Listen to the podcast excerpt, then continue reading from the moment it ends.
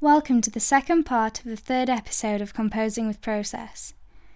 Here we present two exclusive sound pieces to complement the themes addressed in episode 3.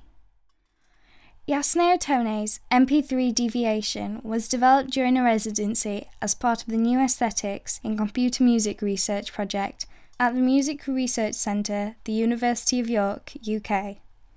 Here, the playback of MP3 files are deliberately disrupted and errors induced. The decoder reports many different types of error, each of which is used to trigger parameter changes in the playback of the sound file itself. The sound playback does not therefore represent the error itself.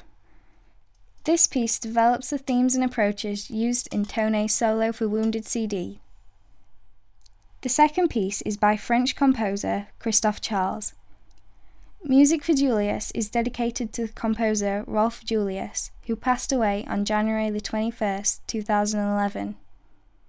Julius was known for his concept of small music, which often consisted of multiple layers of electronic and natural sounds played through tiny speakers at a low volume.